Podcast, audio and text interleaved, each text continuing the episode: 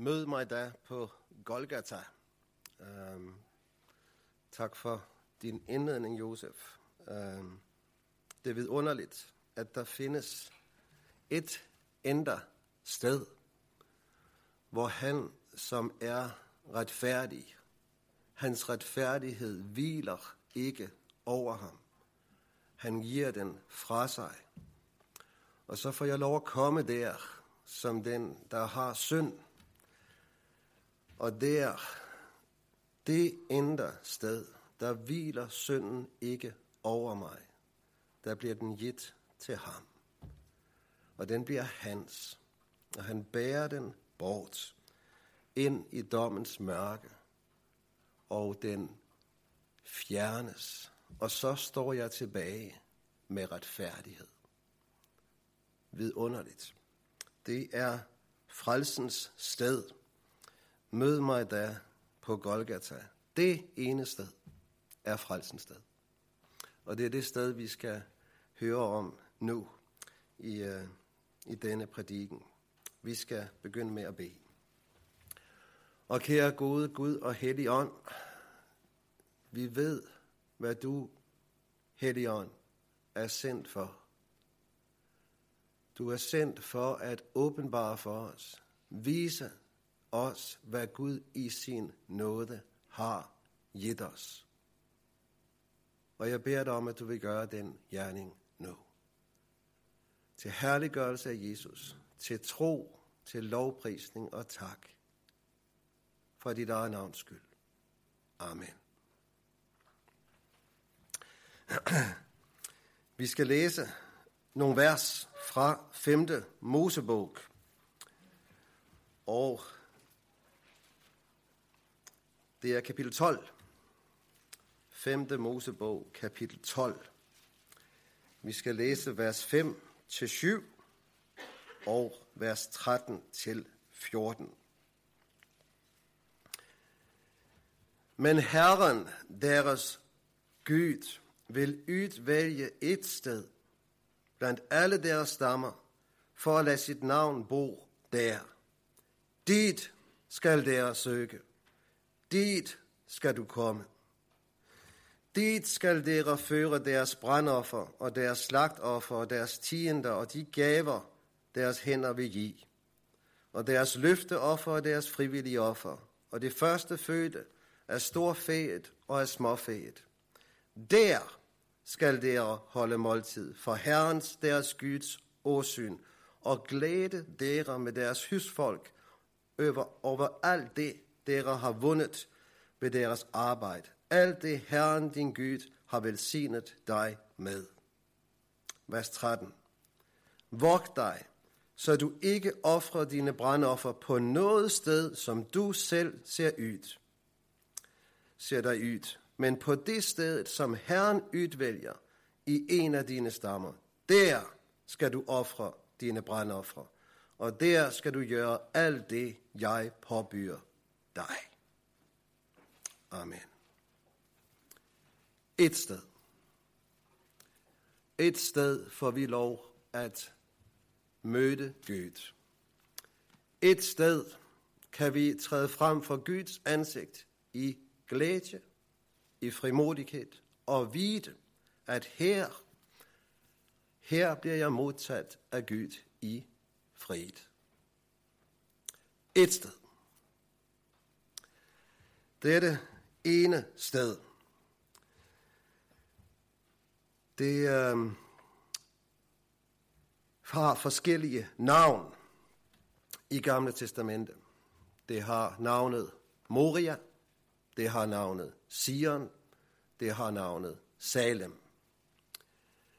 Men det er en rød tråd igennem hele Gamle Testamentet, at her og kun her kan vi træde frem for Gud i fred.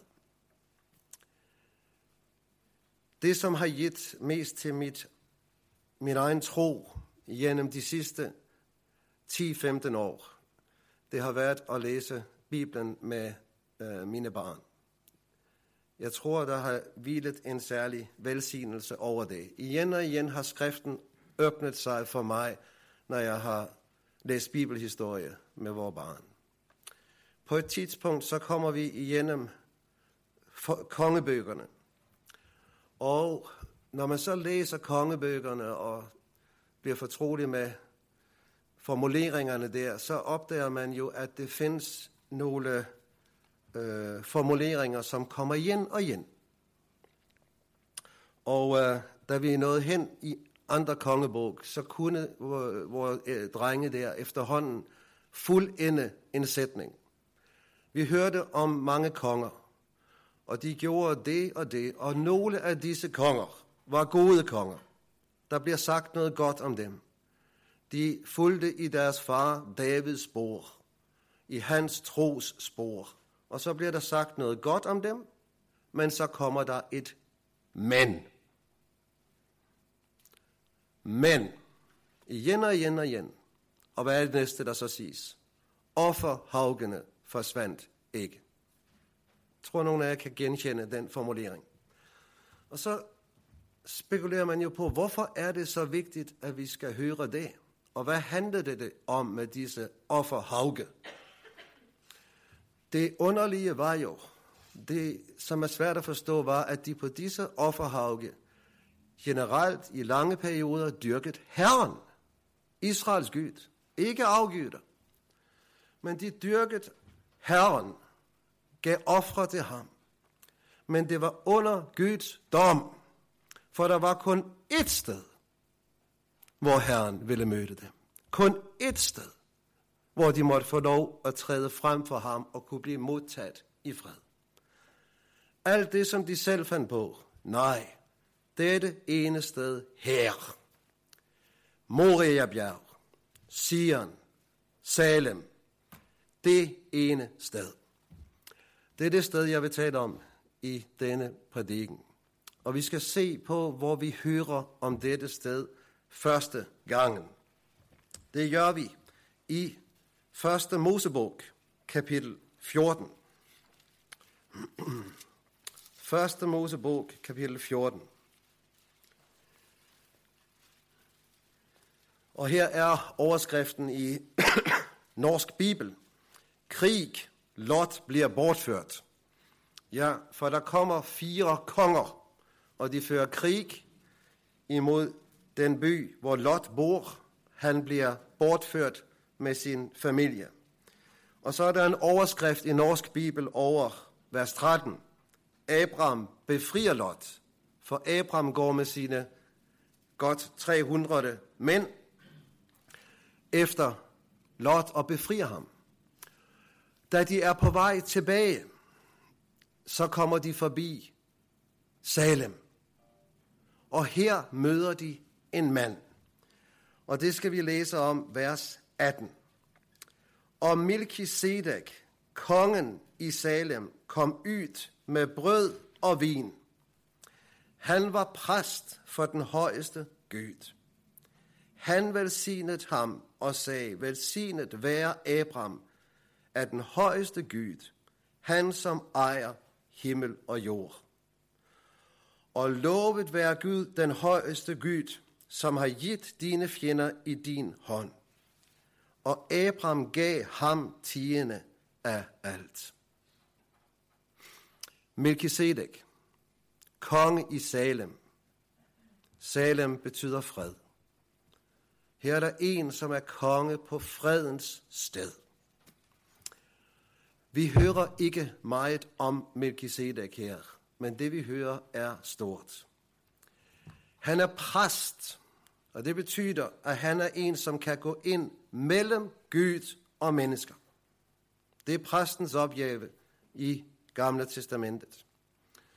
Det er den opgave, Jesus går ind i til sidst, som den sidste præst. Men han er en mellemmand. Han går ind mellem Gud og Abraham. Og så løfter han sine hænder. Og så lyser hans Guds velsignelse over Abraham. Og tilsiger Abraham, du er under Guds velsignelse. Du har fred med Gud. Det siger Melchizedek ikke i kraft af noget, som Abraham har givet eller gjort. Abraham har ikke bragt nogen ofre. Melchizedek siger dette i kraft af sig selv. Ikke i kraft af noget, Abraham har givet, eller i kraft af noget, Abraham har gjort. Men i kraft af sig selv træder han ind og siger, du er under Guds velsignelse og fred. Det er hans gerning. Og i dette er han et mægtigt forbillede på Jesus. Det ser vi, om vi bladrer om i salme 110. Det er en mægtig messias salme. Og det er en salme, som øh, Jesus selv citerer. Og han understreger, at denne salme taler om mig. Ja, den kan kun tale om ham. For du ser, når du læser vers 1, at det er en salme af David. Du ved, hvem David er. Han er den højeste i Israel. Hvem er på jorden over David? Ingen. Han er den højeste. Der er ingen over David. Det forstår du. Er David en salme, så kommer det, som er vældig svært at forstå. Herren sagde til min herre. Der findes jo ingen over David. Og alligevel siger han, Herren sagde til min herre. Og Jesus siger, det er mig, han taler om. Det er Jesus, der her tales om. Og hvad siges der til Jesus? Sæt dig ved min højre hånd, til jeg får lagt dine fiender til skammel for dine fødder. Din magts kongestav skal Herren række ud fra Sion. Hersk midt i blandt dine fjender. Dit folk møder villigt frem på dit vældesdag. I helligst skryd kommer din ungdom til dig, som duk af morgenrødens skød. Og så kommer det. Herren har sværget, og han skal ikke angre det. Du er præst til evig tid, etter Melchisedeks vis. Når Messias kommer, så skal han træde ind mellem Gud og os, som en mellemmand. Og han skal løfte sine hænder og tilsige os Guds velsignelse og fred. Og det skal han ikke gøre i kraft af noget, vi har givet eller gjort. Han skal gøre det i kraft af sig selv. Og han skal aldrig, aldrig, aldrig sænke sine hænder igen. Han skal lyse velsignelse evigt over os. Han skal være evig præst, der velsigner i kraft af sig selv. Hvornår opfyldes dette? Det gør det tydeligt og vidunderligt i det sidste kapitlet i Lukas evangeliet. Prøv at slå op der.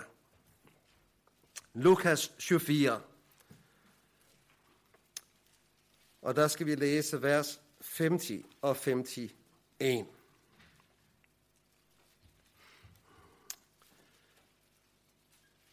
Her hører vi om det sidste samvær mellem Jesus og disciplene. Det absolut sidste. Vi har netop fejret Kristi Himmelfart øh, for nogen tid siden. Vi går mod pinse, men her er det Kristi Himmelfarts dag.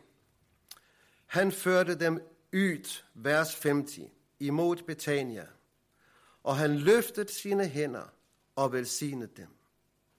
Og det skete, mens han velsignede dem, at han skiltes fra dem og blev taget op til himlen. Har du nogensinde set dette for dig, hvad det er, som sker? Jesus løfter sine navlemærkte hænder. Og det sidste han gør, det er at lyse sin velsignelse over de 11 disciple, som alle har svigtet. Alle er faldet. Han lyser velsignelse og fred over dem. Ikke i kraft af noget, de har givet eller gjort, men i kraft af sig selv og det offer, han har bragt på Golgata.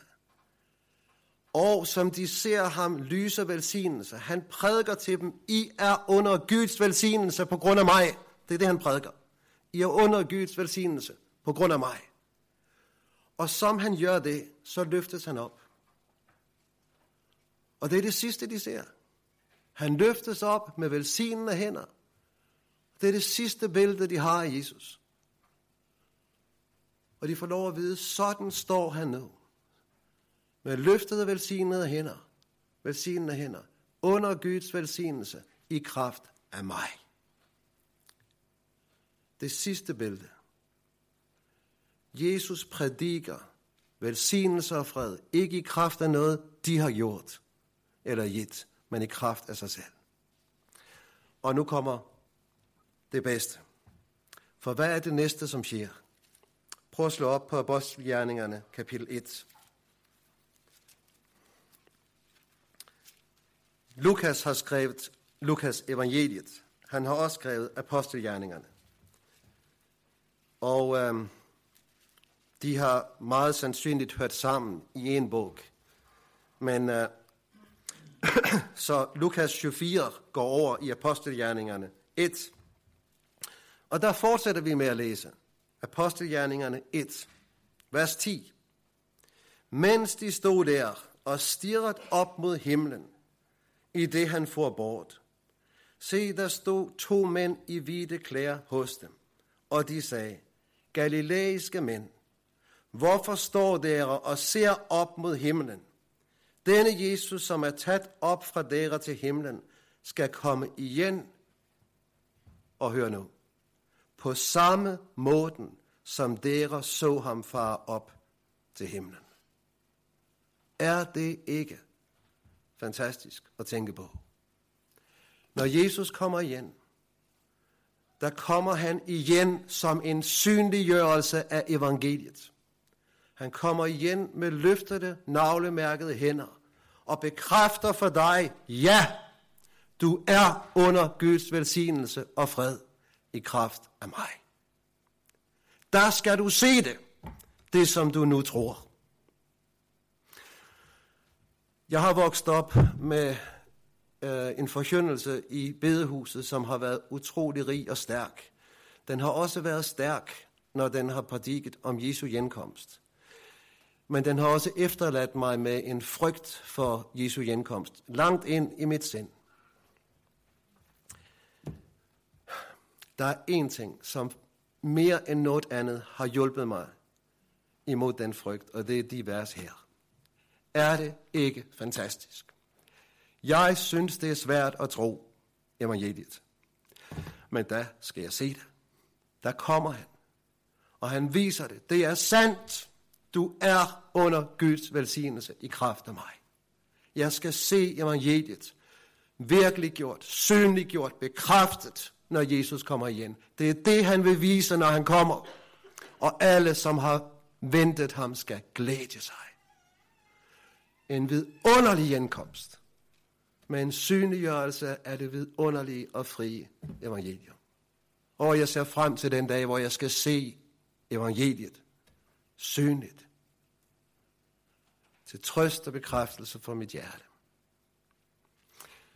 Det var det første stedet, vi hørte om frelsens sted i Gamle Testamentet. Første Mose 14. Andre gangen, hvornår er andre gangen, der kaldes dette sted ikke Salem, men samme sted kaldes Moria, og det er 1. Mose 22.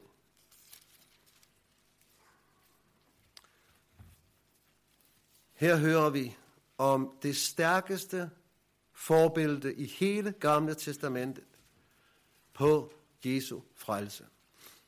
Abraham skal bringe sin eneste og elskede søn som offer på et bjerg, et fjeld, ikke et tilfældigt fjeld. Abraham skal bryde op fra hvor han bor, han skal rejse i tre dage. I tre dage skal hans søn være som død for ham. Og så skal han bringe ham som offer på et bestemt fjeld. Det fjeld, hvor byen Salem lå. Det fjeld, hvor templet senere blev rejst. Det fjeld, hvor Jesus blev bragt som offer. Der skal du bringe ham som offer. Hvad er Bibelens centrale budskab? Således elskede Gud verden, at han gav sin enborne søn, for at enhver, som tror på ham, ikke skal fortabes, men have evigt liv. Det er det, som du får synliggjort på Moria bjerg i 1. Mosebog 22. Og da Abraham har bragt sin elskede søn som offer og forbillede på Jesu offer, så får dette fjeld et navn. Ja, det får to navn. Vers 14.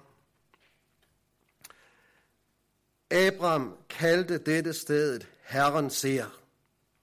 Derfor bliver det sagt den dag i dag. På Herrens bjerg skal han lade sig se. Et navn og i virkeligheden to navn. Vi tager det sidste navn først. Dette fjeld, dette bjerg, er stedet, hvor Herren lader sig se. Her åbenbarer Gud sig for dig, som han er. Her lærer du ham at kende.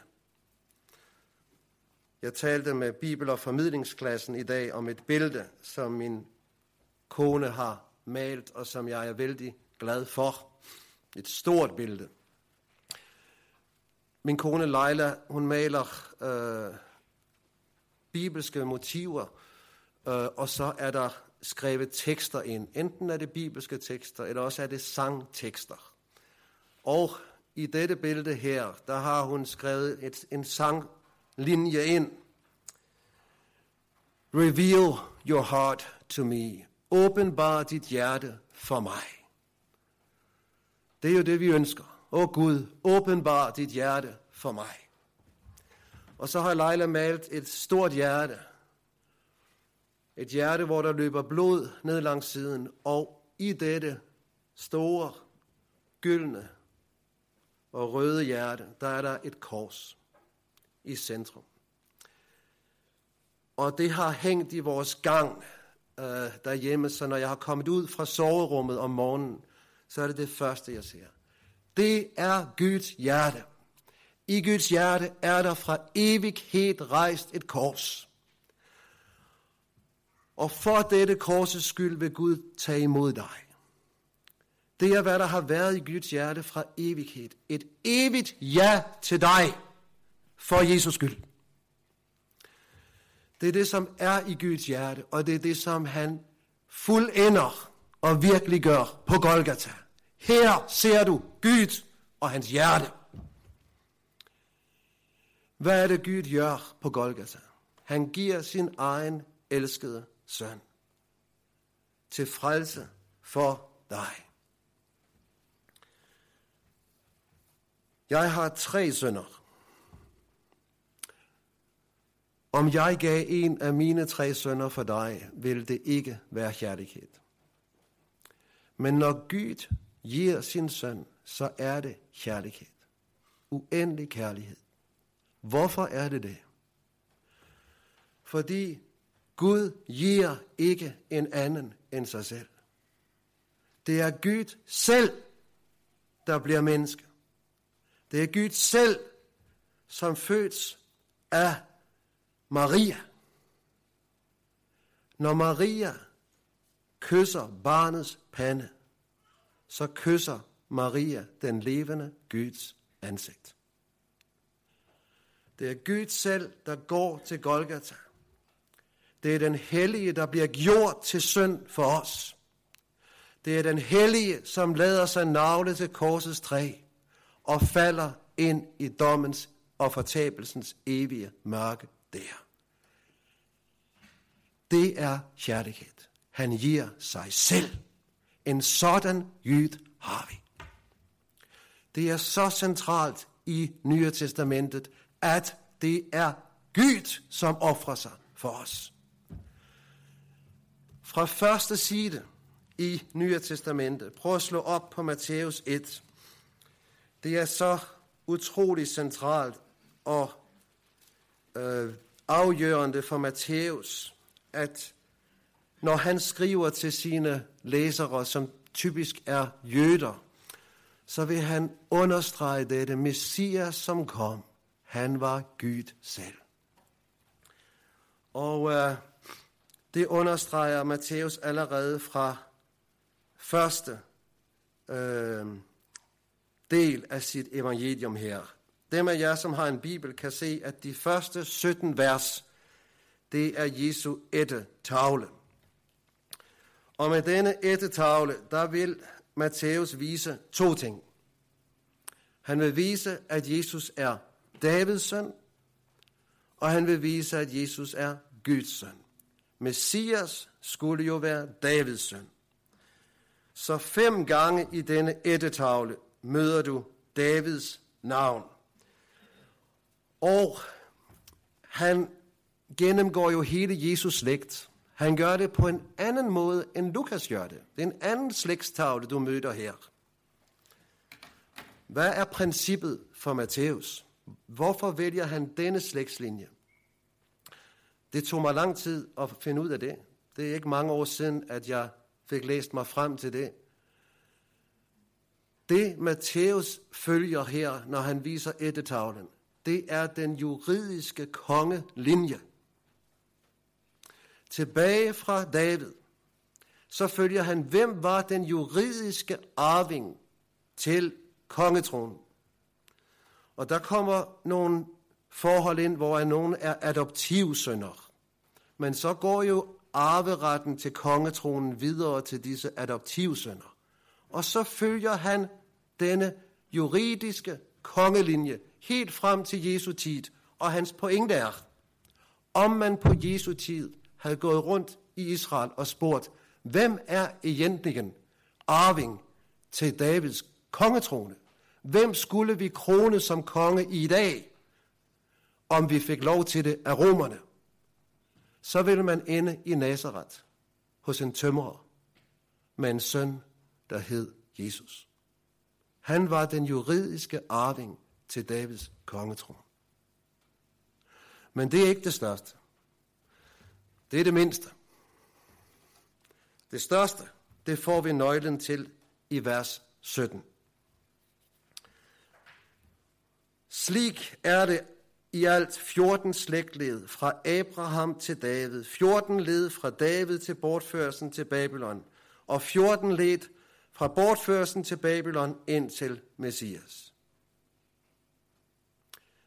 Om der var nogle vers, vi kunne overveje, om de var overflødige i skriften, så ville nogen måske foreslå et vers som dette. Hvad skal vi med det? Hvorfor skal vi høre at Jesu ættetavle er delt i 3 gange 14. Jeg lærte selv, da jeg var ung, at det har at gøre med talværdien for David. På hebraisk så skriver man David med tre bogstaver, D, V, D. Og talværdien for D er 4, talværdien for V er 6, og så har du D igen, 4, 6, 4, det er 14. Talværdien for Davids navn er 14 og 3 gange 14 er den guddommelige ledelse. Jeg tror, det kan være sandt. Dem, som David, dem, som Matthæus skriver til, har kendt til disse beregninger. Jeg tror, det kan være rigtigt, at han vil minde dem om det. Men det er ikke det vigtigste. Det vigtigste ser vi, når vi begynder at tælle. For om du tæller disse 14 led, så vil du se, ja, der er i alt 14 slægtled fra Abraham til David. Og ja, der er 14 slægtled fra David og til bortførelsen til Babylon. Og så tæller du den sidste tredjedel. Og så går det galt. Det passer ikke. Du kommer til vers 16. Og Jakob, han er nummer 11 og Josef, han er nummer 12. Og så skal Jesus jo være nummer 14. Men hvem er nummer 13 så? Der skal være 14 led her. Hvem er nummer 13? Josef 12, David 14. Matthæus skriver til jøder, som tæller. Han har ikke håbet, at de ikke opdagede hans fejl. Han har vidst, at de fandt den. Og han har vidst, at for jøder er Guds navn så helligt, så man ofte omtaler Gud ved ikke at omtale ham. Det 13. led er Gud. Det Matthæus vil forkynde her er, han som fødes og som er Davids tronarving. Han er Davids søn, men han er også Guds søn. Det 13. led. Jesu egentlige far. Hans egentlige far. Gud. Og netop det understreger jo Matthæus i vers 18. Med Jesu Kristi fødsel gik det slik til. Hans mor Maria var forlovet med Josef, men før de var kommet sammen, viste det sig, at hun var med barn ved den hellige ånd. Ja, Gud var far. Jesus var Guds søn. Men han var, om man kan sige det, end mere end Guds søn. Han var Gud selv. Netop det minder Matthæus os om, når han fortæller om Jesu navn. Prøv at se i vers 21. Et fantastisk vers. Hun skal føde en søn, og du skal give ham navnet Jesus, for han skal frelse sit folk fra deres sønder. Matthæus skriver til jøder, og de ved, hvad Jesu navn betyder. Jesus betyder hvad? Jesus betyder Herren frelser. JHVH. Herren Israels Gud frelser. Det betyder Jesu navn. Han skal hedde Herren Israels Gud frelser, for han skal frelse sit folk fra deres sønder. Det er Gud, der skal frelse sit folk fra deres sønder. Og det skal han ved at blive menneske for vor frelses skyld. Og skulle du ikke have set og forstået, hvad dette indebærer, og hvor fantastisk det er, så kommer i næste kapitel, kapitel 2, så kommer beretningen om vismændene fra Østerland. Og så læser du i vers 11, et vers, som har rystet alle jøder, som læste dette evangelium. De gik ind i huset og fik set barnet med Maria, dets mor. Og de faldt ned og tilbad det.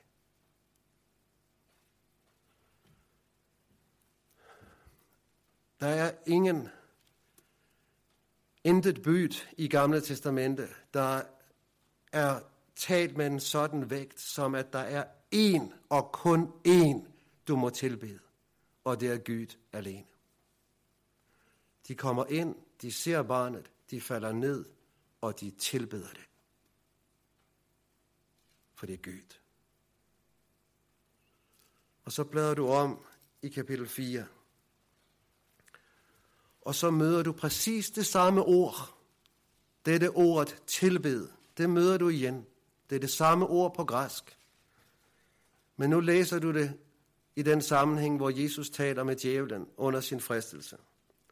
Da sagde Jesus til ham, bort fra mig, satan, for det står skrevet, Herren din Gud skal du tilbe, og ham alene skal du tjene.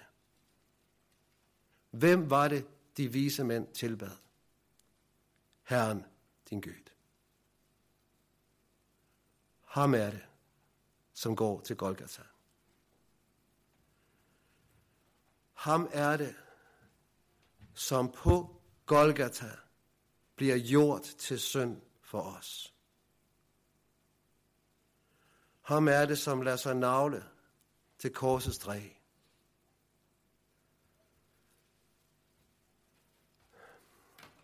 Mørke over hele jorden i tre timer, og dommens mørke har sit nedslag et sted her.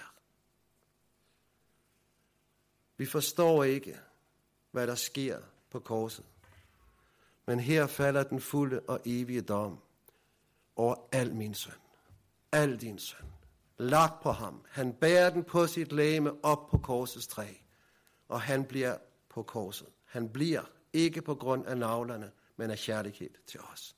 Det er vor Gud. På Golgata viser Herren sig. Reveal your heart to me. Det er min Gud, der offrer sig selv her til frelse for mig. Af kærlighed til mig. Reveal your heart to me. Ja. Yeah. Bjerget, fjellet, hvor Herren viser sig. Men dette bjerg, dette fjeld fik også et andet navn. Herren ser. Og det synes jeg er vidunderligt også. For hvad ser vi, om du havde været til stede langfredag og gået ud og set? Hvad vil du se? Du vil se tre mænd, der var navlet til kors. Og du vil se en mand i midten, som du måske kendte som en mere ren og retfærdig og god mand end de andre. Og du vil tænke synd om ham, for han hang der jo uskyldig. Ikke? Det vil du tænke. For du ser ikke virkeligheden. Men Gud ser virkeligheden. Hvad er det for en virkelighed, Gud ser? Han ser den virkelighed, som Moses har illustreret i ørkenen. Med ormen af kår på stangen. En orm, indbegrebet af synd og forbandelse. Det ser Gud på korset. Det er Jesus. Han ser ham som en orm af synd og forbandelse.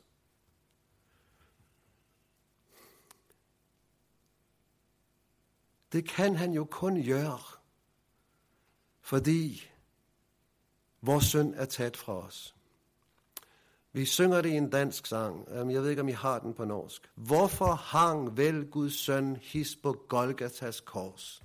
Og min søn den på Jesus ej faldt. Peter skriver om Jesus i sit første brev. Han gjorde ikke synd, og der var ikke svig i hans mund. Han var ren. Hvorfor skal han da dø? Det skal han på grund af det, som Josef talte om i indledningen. Den, som har syndet, skal dø. Den, som har synd, skal dø. Han har synd på Golgata. Gud ser det.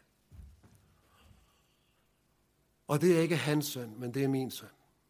Hvorfor hang vel Guds søn his på Golgatas kors, om ikke sønnen var taget fra os og lagt på ham?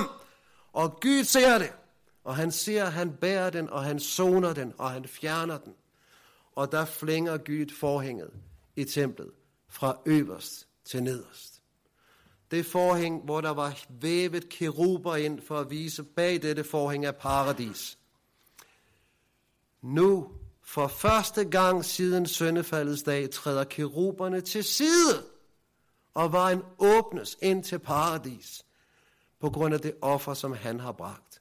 Det ser Gud. Og hvad sker så i dette øjeblik? Der går Jesus ind i paradis med sit offer, ind i det allerhelligste.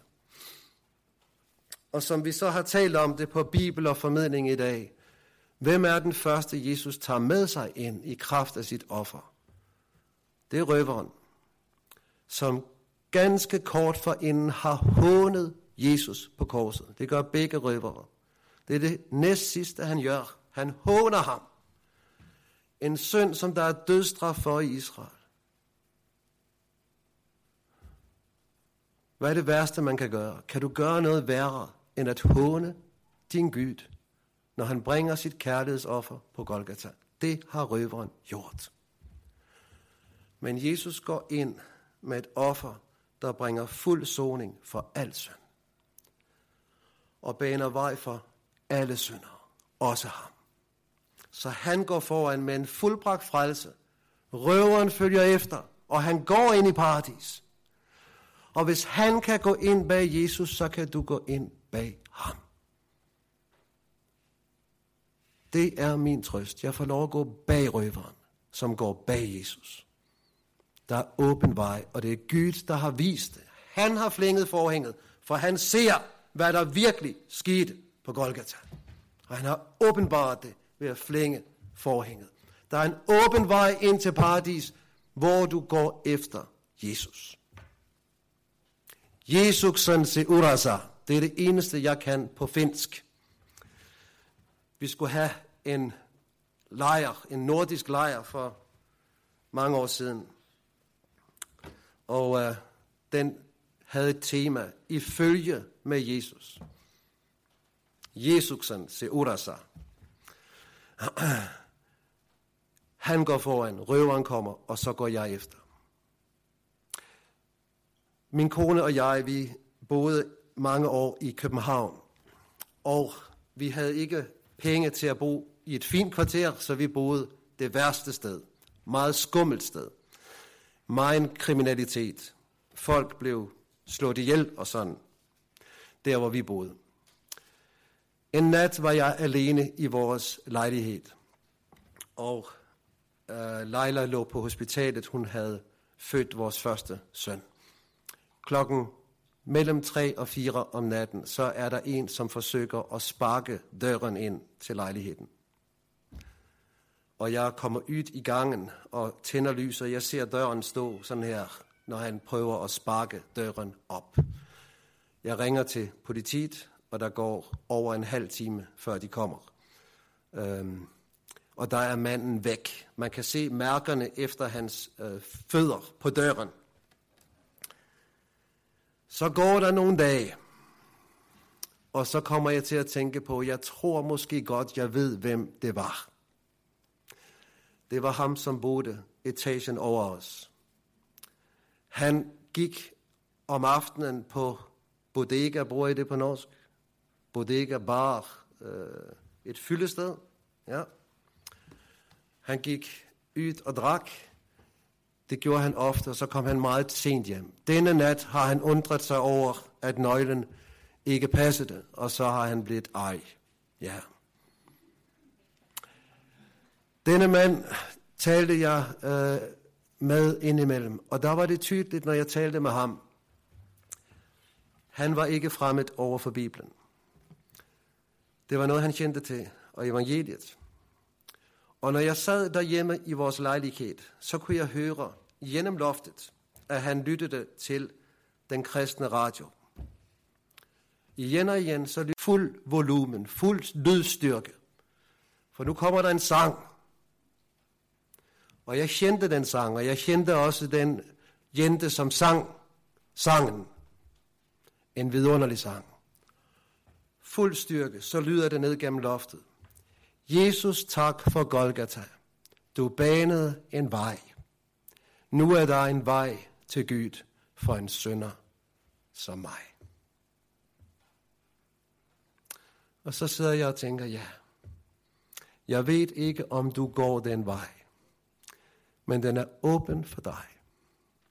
Og er den åben for dig, så er den også åben for mig. Ja. For røveren, for ham, for mig og for dig. Jesus, tak for Golgata. Du banede en vej. Nu er der en vej til Gud for en sønder som mig. Jeg har stillet dig over for en åben dør, som aldrig skal blive lukket.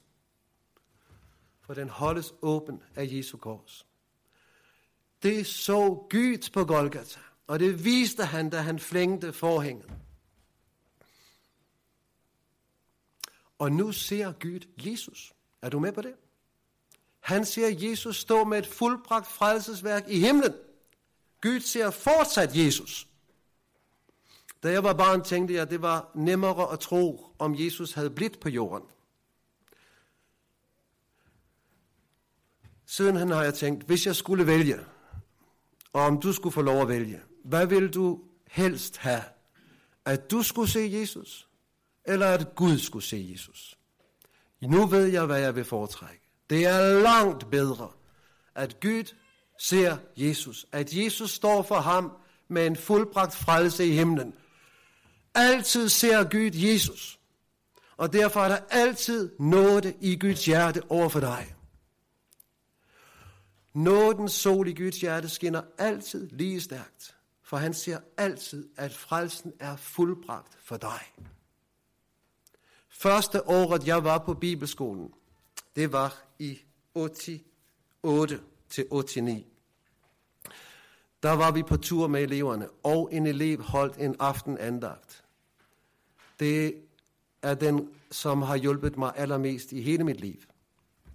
Han tog en sang frem, og så sagde han, der er en linje her, som har trøstet mig.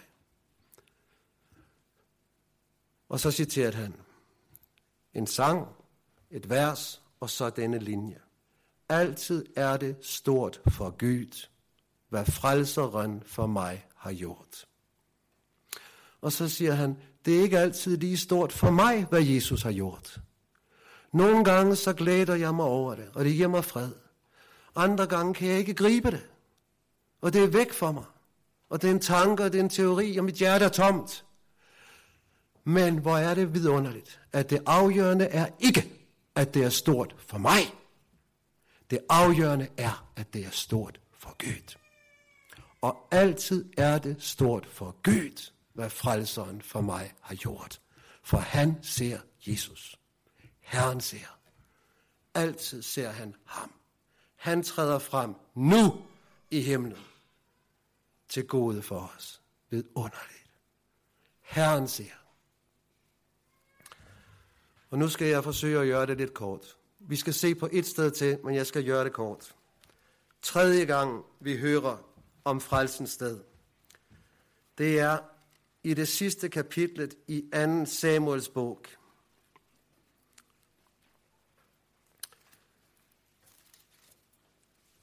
Hvis vi skulle give Samuels bøgerne et andet navn, kunne vi kalde det for Davids bøgerne, fordi det er jo to bøger, som taler meget om David.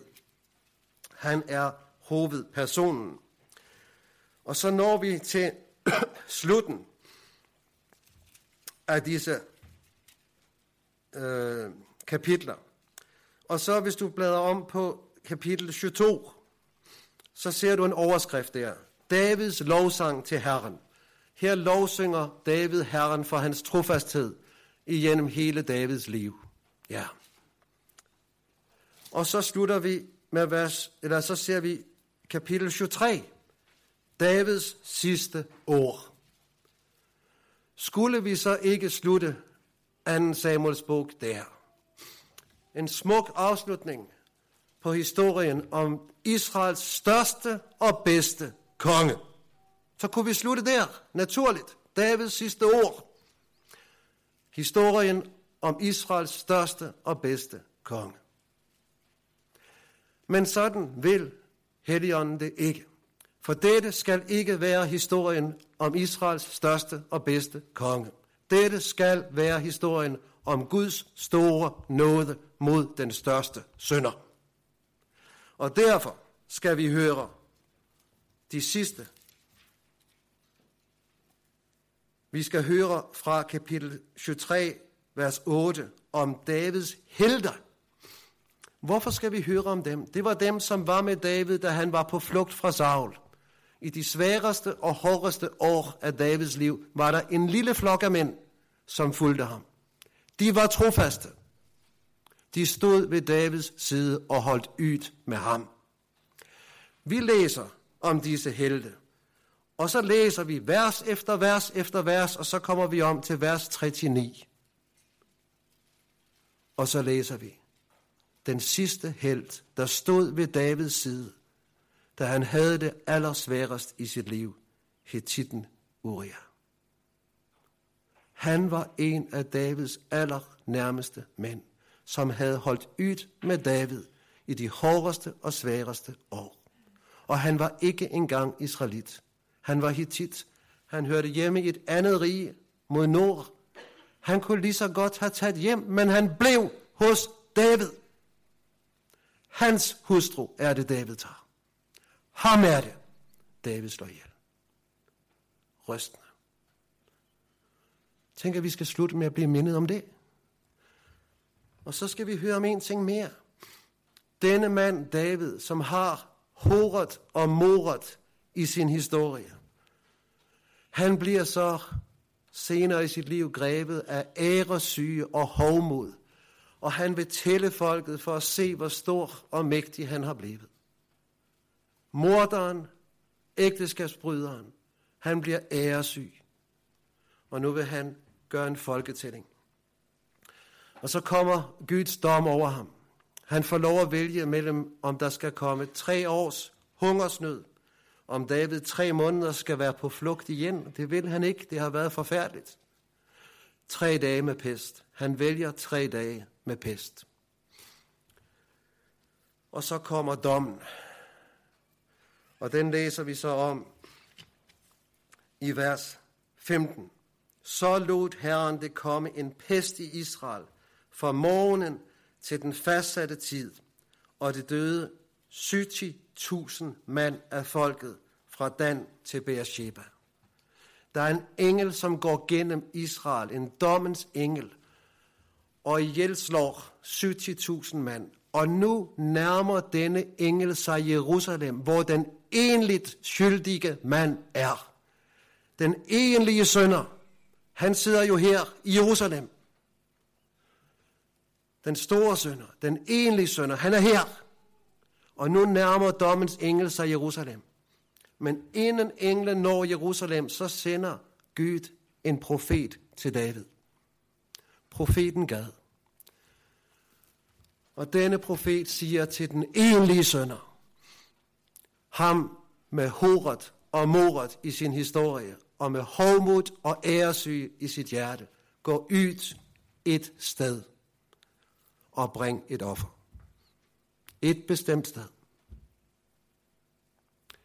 Moria bjerg. Salems sted. Det sted, som senere fik navnet Golgata. Der skal du gå ud, og du skal bringe et offer. På Davids tid hed det Aravnas tærskeplads. Der skal du gå ud, og så skal du bringe et offer der.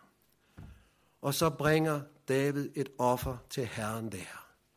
Og så slutter andre Samuels bog med dette vers. Og David bygde der et alter for Herren, og offrede brandoffer og fredsoffer. Og Herren hørte landets bøn, og straffedommen stanste og væk fra Israel. Og så var den enlige sønder, ham med, hår, med, med moret og horet i sin historie, og ham med hårdmodet og æresygen i sit hjerte. Han var frelst bag dette offer. Der var der fred. Jeg har horet og moret i mit sind. Jeg har æresyn og hårdmodet i mit hjerte. Men jeg får lov at stå på dette sted frelsens sted, bag dette offer. Og her er der fred for mig, sammen med David. Det skal Samuels bøgerne slutte med.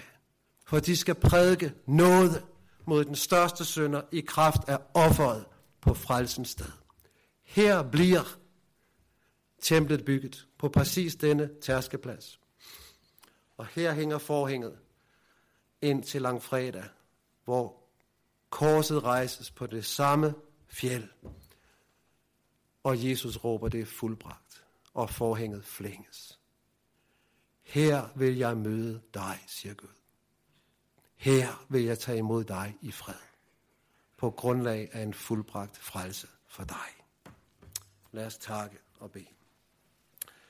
Kære Jesus, tak for Golgata. Tak, at du banede en vej. Nu er der vej til Gud for en sønder som mig, gennem dig, ved dig, for din skyld. Tak og lov i evighed. Amen.